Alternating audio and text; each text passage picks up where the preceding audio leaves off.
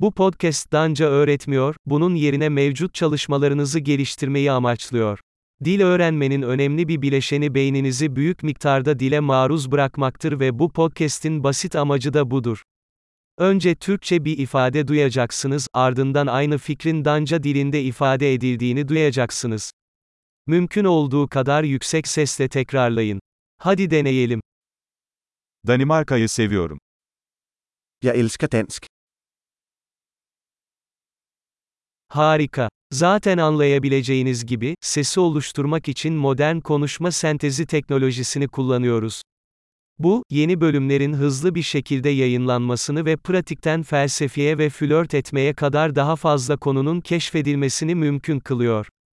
Danca dışında dil öğreniyorsanız, diğer podcastlerimizi bulun, adı tıpkı Danca öğrenme hızlandırıcısı gibidir ancak diğer dil adıyla birliktedir.